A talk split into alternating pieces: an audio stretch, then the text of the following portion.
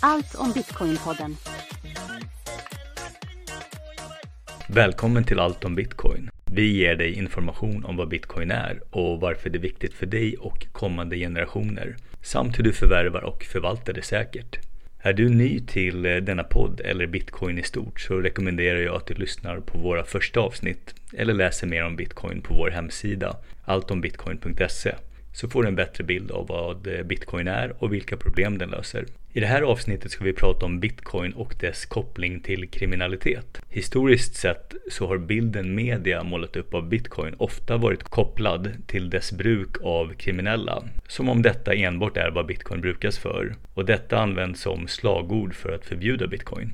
Bitcoin möjliggör kriminella transaktioner och därför ska den förbjudas, brukar det låta. Initialt så var det mest transaktioner över så kallade darknet-sidor som exempelvis Silk Road som uppmärksammades i media där droger och vapen såldes och betalades med bitcoin. Men nu på senare tid så är det först och främst så kallade ransomware-attacker mot företag och andra former av institutioner som media blåser upp där dessa låses ut från sin eh, data och IT-infrastruktur och därefter utpressas för att åter få tillgång till till den mot betalning i bitcoin. Media pekar många gånger på att bitcoin är anonym och att det inte går att eh, spåra transaktionerna när verkligheten är tvärtom. Hela grejen med bitcoin är att alla transaktioner som någonsin skett i dess historia går att spåra helt öppet av alla på dess öppna ledger eller huvudbok som kallas för blockkedjan. Bitcoin är heller inte anonymt utan snarare pseudonymt då adresserna där transaktionerna sker från och till bara består av siffror. Men det i sig säger inget om vem som äger dem. Dock så kan man vid på och avfarterna från fiat-pengasystemet in till bitcoinsystemet, vem som äger det kontot och därmed dra slutsatser vem transaktionerna går till och från.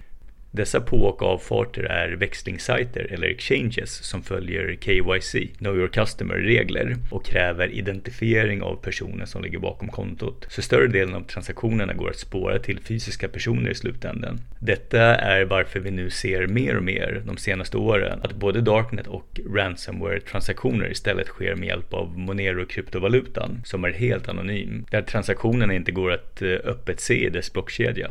Mängden totala Monero-transaktioner som sker per dag är cirka en tiondel av alla bitcoin-transaktioner och är en relativt liten kryptovaluta jämfört med bitcoin som mainstream media aldrig pratar om då bitcoin alltid är den som pekas ut som boven även fast Monero är på väg att bli den kryptovaluta som så kallade kriminella föredrar. Under 2021 så hade bitcoin 3 biljoner dollar i transaktioner. Det är svårt att få en klar siffra på detta men det beräknas att totalt så skedde kriminella transaktioner för 3 miljarder dollar i bitcoin under 2021 2021, vilket gör att cirka 1% av alla transaktioner är kopplade till kriminalitet.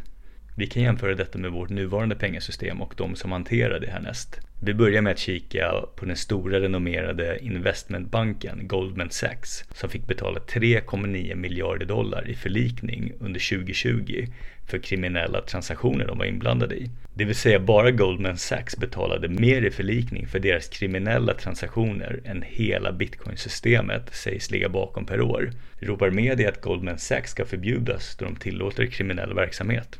Inte direkt. Även här i Sverige så har vi Swedbank som eh, 2019 misstänks ha tvättat en liknande summa på 3,6 miljarder dollar eller 40 miljarder kronor. Ropar media att Swedbank ska förbjudas då de tillåter kriminell verksamhet? Inte direkt. Finansinspektionen beslutar istället följande. Swedbank AB får en varning och ska betala en sanktionsavgift på 4 miljarder kronor för allvarliga brister i arbetet att motverka penningtvättsrisker. En slap on the wrist med andra ord och back to business as usual. Samma finansinspektion skriver på sin hemsida så här om kryptovalutor. Det finns hög risk för att kryptotillgångar används för penningtvätt och terrorfinansiering och är olämplig för konsumenter. Ingen sådan rekommendation utfärdas för Swedbank eller vårt nuvarande pengasystem såklart. Swedbank har nu betalat och fått syndernas förlåtelse. Krypto och bitcoin är bortom frälsning tydligen.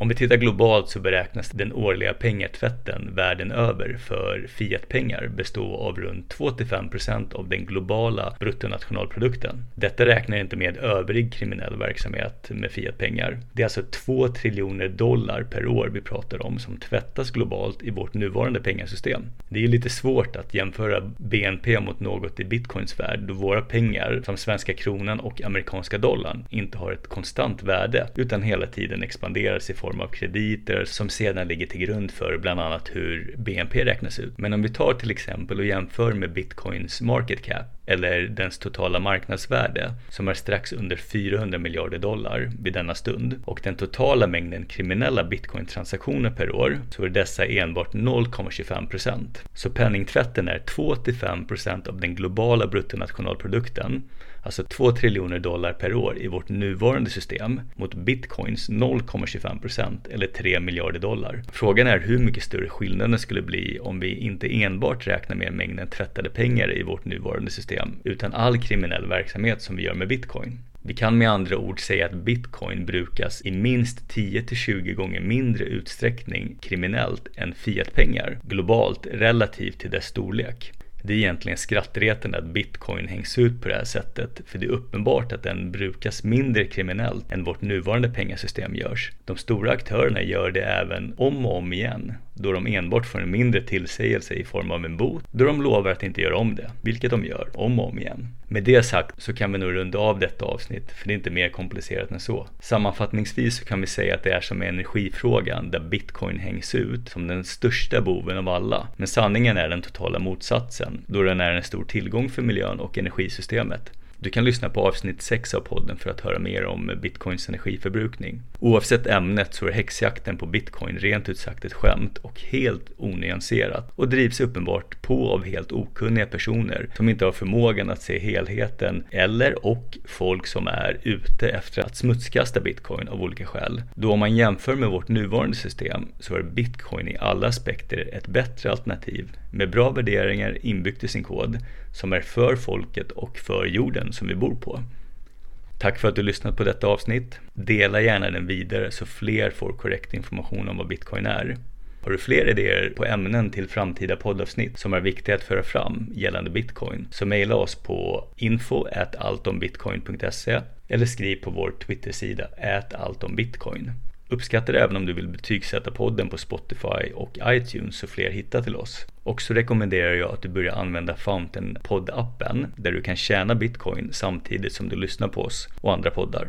Jag kan se i vår statistik att runt 17% lyssnar via Fountain-appen, men det skulle vara kul om fler gick över till det för alla poddar de lyssnar på. Jag vill även uppmana er att kontakta oss för förslag på hur vi bäst organiserar oss för att sprida information till allmänheten i Sverige om vikten av bitcoin. Vi har många digitala informationsposter som bitcoin som du kan få mejla till dig om du kan tänka dig att sätta upp på anslagstavlor och liknande ställen där du bor på. Fler och fler känner till bitcoin, men få förstår vikten av bitcoin med tanke på vart världen är på väg. Bitcoin behöver din hjälp att sprida nyanserad information om den. Ha det så bra, hejdå!